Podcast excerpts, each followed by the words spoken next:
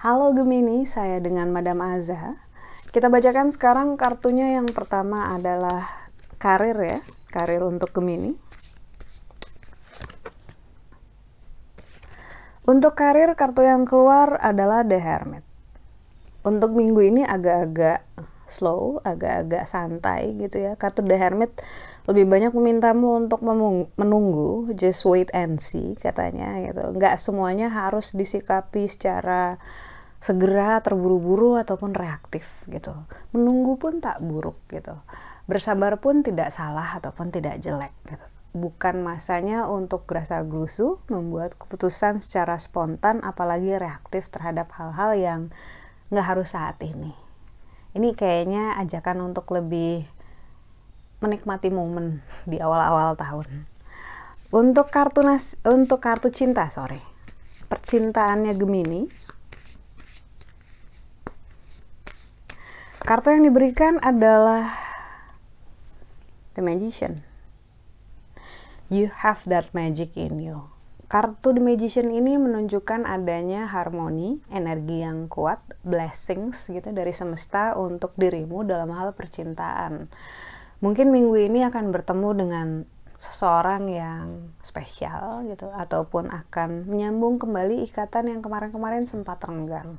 So kartu The Magician bilang bahwa tongkat magicnya ada di kamu nih gitu. Kamu yang sedang memegang. Mau dibawa ke mana mau diarahkan ke mana ini adalah minggu yang bagus untuk melakukan hal-hal tersebut. Kartu nasihat untuk Gemini yang diberikan adalah kartu The Hangman. Gemini itu paling susah kalau disuruh diem ya walaupun mager. Walaupun mager tapi kalau melihat sesuatu yang harus dibenerin dia akan gemes untuk kebenerin gitu karena biasanya problem solver gitu ya dan selalu punya jawaban untuk hal-hal yang terjadi.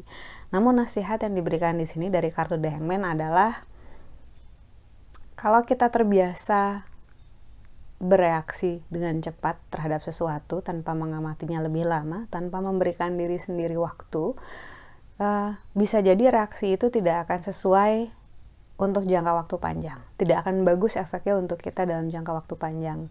Karena itu bersabarlah gitu. Kartu The Hangman ini dalam hal nasihat untukku menunjukkan adanya uh, perspektif yang berbeda di mana antara orang yang berjalan normal dengan orang yang posisinya terbalik tentu saja akan melihat hal secara sangat berbeda di mana ada detail-detail yang kemarin-kemarin mungkin kamu masih skip karena itu bersabar, karena itu lebih fokus untuk mengembangkan diri, mengembangkan wawasan dibanding bereaksi. Uh, reaktif itu ujung-ujungnya biasanya malah bikin capek kalau respon yang diberikan tidak sesuai ataupun tidak efektif. Kembali lagi, sabar.